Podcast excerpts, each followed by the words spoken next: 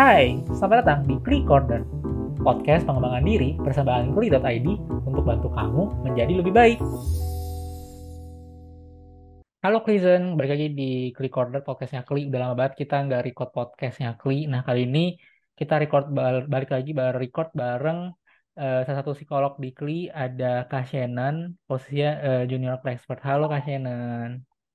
Halo Michael, halo Klizen semuanya. Ya, nah eh, kali ini di podcast kita kali ini aku mau bahas soal hopeless romantic nih.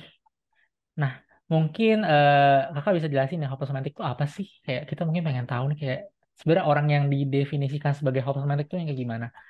Hmm, oke. Okay. Nah, sebenarnya kalau hopeless romantic kan itu kita kadang suka bilang juga ya kayak, ih teman kita ada yang hopeless romantic banget nih gitu. Nah, kalau hopeless romantic itu sebenarnya uh, gambarannya tuh kayak lumayan simpel. Kayak dia tuh orang yang kayaknya tuh kalau sama percintaan itu tuh kayak punya idealisme sendiri.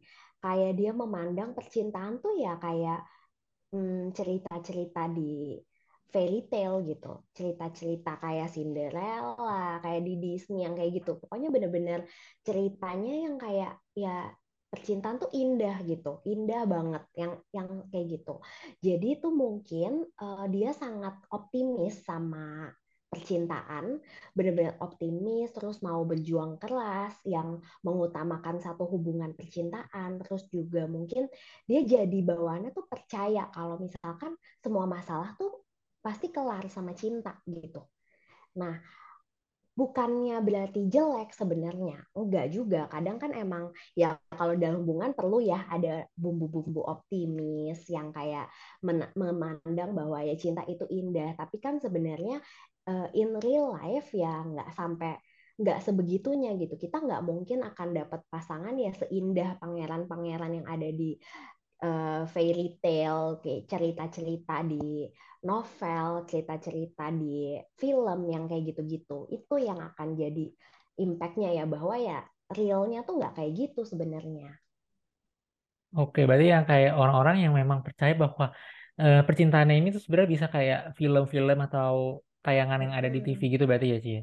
Nah ini berarti kalau uh, penyebabnya sendiri berarti pengaruhnya apa sih Ci? Apakah dari tontonan kah atau gimana? Uh, kalau sebenarnya kalau penyebabnya gitu ya, itu tuh ya mayoritas karena tontonan, karena lingkungan kayak misalnya yang dia lihat gitu, kayak misalkan uh, dari sosial medianya dia ngelihat follow misalkan influencer-influencer yang uh, ngemam apa sih yang fotoin tentang kayak misalkan hubungannya gimana, terus novel dari film, terus misalkan mungkin juga dari perlakuan orang-orang di sekitarnya.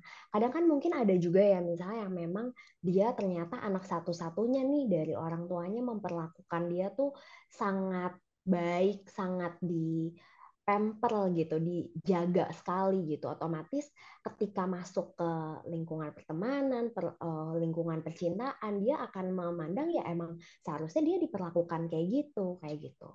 Jadi ya selain dari tontonan juga dari uh, lingkungan gimana dia tumbuh, gimana orang tua dan teman-teman yang memperlakukan itu juga bisa uh, berdampak sih. Nah, berarti kalau misalnya, let's say dia punya orang tua atau misalnya dia punya temen yang uh, dia mungkin lihat kisah cintanya itu mirip-mirip kayak sinetron gitu, dia juga bisa terpengaruh juga ya sih. Jadi kayak, oh kayaknya aku bisa di percintaan kayak gitu, gitu ya? Benar. Jadinya uh, kan kadang maksudnya kalau kita dengar cerita orang, ya kita dengar ya sekelibet aja, segelintir aja yang yang bagus-bagusnya aja. Jadi dia nggak tahu nih kayak sebenarnya kalau di hubungan ketika dia harus berhubungan ya pasti ada juga yang jelek-jeleknya gitu. Walau ketika kayak dan jadinya mungkin dia jadi mudah banget nih untuk memandang uh, misalkan diperlakukan baik sedikit, diperlakukan uh, pokoknya di benar-benar kayak sesuai dengan idealis idealnya dia gitu di bayangannya dia itu akan gampang untuk dia langsung suka langsung oh ini nih the one gue gitu akan gampang untuk decide di awal-awal padahal kan masa-masa awal tuh emang masa-masa honeymoon gitu nah dan jadinya mungkin buat uh, ke pas jangka panjangnya akan jadi susah untuk maintain karena kan nggak akan selamanya kayak gitu tuh gitu di dalam hubungan sendiri.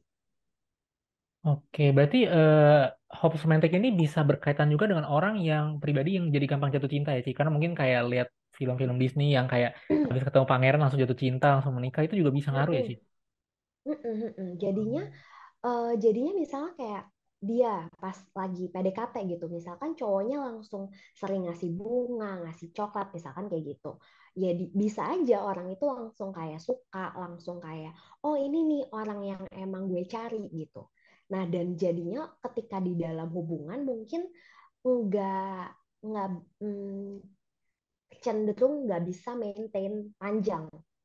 Karena misalkan nih dia udah ketemu satu masalah gitu kayak misalkan uh, ternyata cowoknya nggak love bombing lagi nggak kayak memperlaku cowok atau ceweknya ya pacarnya lah uh, nggak memperlakukan dia seperti yang dia harapkan.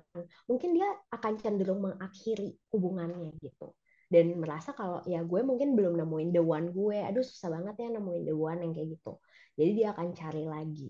Tapi bisa juga jadinya dia nggak peka. Jadi kayak kan sebenarnya kalau orang tuh karakteristiknya banyak ya. Kayak ada yang kayak gimana-gimana walaupun kita ngomongin di satu topik gitu. Nah, ada yang kayak gitu, ada juga yang mungkin jadinya dia nggak peka nih sama uh, sign-sign negatif. Kayak misalkan red flag-nya kita ngomong. Kayak gitu. Karena memandang ya ini cowok udah ini orang udah memperlakukan gue dengan sangat baik. Jadi ketika ada kesalahan dia jadi enggak kok selama ini dia udah uh, memperlakukan gue dengan baik ya kesalahan dikit gak apa-apa lah gitu jadinya nggak nggak peka gitu hmm I see I see I see I see uh, jadi kalau misalnya aku kalau misalnya lihat ya Hobbs Romantic itu kan berarti kan dia kayak berharap kisah cintanya itu bisa sama kayak di film-film atau di tayangan-tayangan atau novel atau tertentu gitu ya. Nah, uh, berarti berarti orang-orang yang Hobbs Romantic ini kalau misalnya ketemu pasangan yang nggak hopeless romantic ini agak susah dong sih. Maksudnya kayak misalnya dia kayak ya kita lihat kayak misalnya kayak di film Cinderella eh iya bukan ya yang sepatu kaca ketinggalan itu itu kan eh, pangerannya lari ngejar-ngejar dia buat kasih sepatunya. Nah kalau misalnya di dunia nyata mungkin ada berharap kayak oh kalau misalnya dia marah atau gimana pasangannya akan ngejar-ngejar dia itu termasuk gak sih sih? Iya iya iya termasuk. Dan bisa aja orang ini akan melakukan berbagai cara supaya pacarnya kayak gitu jadi yang dia suka tuh mungkin bukan karakteristik pacarnya, lebih ke kayak oke okay, gue punya idealisme ini, gue harus bikin pacar gue kayak gini gitu. Jadi dia akan mencoba berbagai cara juga tuh untuk membuat ya pasangan dia kayak gitu gitu. Kalau ternyata gagal, ya berarti ya itu akan patah hatinya juga pasti akan sangat besar tuh. Karena kan ibarat kayak udah punya ekspektasinya tinggi, tiba-tiba nggak kecapai kan pasti akan down banget kayak gitu.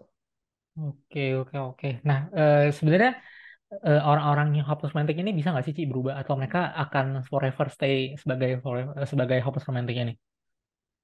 Hmm, sebenarnya kalau dibilang berubah ya bisa, maksudnya ya pas, maksudnya bisa lah kayak dari nggak menutup kemungkinan gitu. Orang tuh berubah. Ya apa pun ya apa pun kondisinya kan sebenarnya ya orang possible aja untuk berubah gitu. Asalkan ya mungkin dalam prosesnya uh, dia misalnya punya banyak pengalaman-pengalaman yang udah kayak dia nggak uh, dapet orang yang sesuai dengan harapannya dia dia jadi merefleksikan diri diingetin sama teman-temannya dan akhirnya dia mencoba mengubah pandangan itu. Itu kan bisa. Tapi yang paling penting untuk poinnya untuk berubah adalah ya dia harus mengubah nih ke keyakinannya ideal beliefnya dia bahwa ya cinta itu in, ya cinta itu indah bahwa ada orang yang seperti uh, di film-film itu yang harus sebenarnya diubah gitu bahwa ya pada realitanya nggak cuman indah-indahnya aja gitu juga ada hal-hal yang nggak enak nih untuk kita lalui ketika kita dalam satu hubungan gitu. I see, I see, I see, I see. Nah mungkin uh, ada nggak sih Ci uh, tips atau pesan-pesan nih biar orang-orang yang hopeless romantic ini bisa berhenti gitu? Hmm, hmm tips kalau tips uh, supaya bisa berhenti gitu ya. Sebenarnya mempunya kayak punya keyakinan bahwa cinta itu indah, cinta itu um, apa? Dia memandang satu percintaan ini dengan secara optimis itu nggak salah gitu. Tapi uh, yang perlu untuk tetap disadari bahwa ya ketika proses pada prosesnya mungkin akan ada hal-hal yang ya uh, batu-batunya ya sandungan batu sandungan batu sandungannya gitu yang itu mesti diyakini juga bahwa itu bukan suatu akhir dari segalanya gitu ketika ada san, batu sandungan juga gitu. Dan ya optimis boleh ketika kamu optimis sama satu hubungan itu baik tapi tetap perlu untuk melihat secara objektif juga apa yang sedang terjadi di dalam hubungan itu gitu jadi nggak nggak nggak kecemplung sama hubungan yang pada akhirnya merugikan uh, orang ini gitu sih Oke, oke, oke, oke. Thank you, Ci, buat penjelasannya soal hoax romantic. Semoga uh, yang dengerin soal kita bahas ini nih, mereka bisa, ya kalau misalnya mereka hoax romantic, mereka bisa berubah. Dan kalau misalnya mereka nggak hoax romantic, ya bagus gitu, dipertahankan gitu ya. iya Oke, betul oke, oke. Thank you, Ci. thank you juga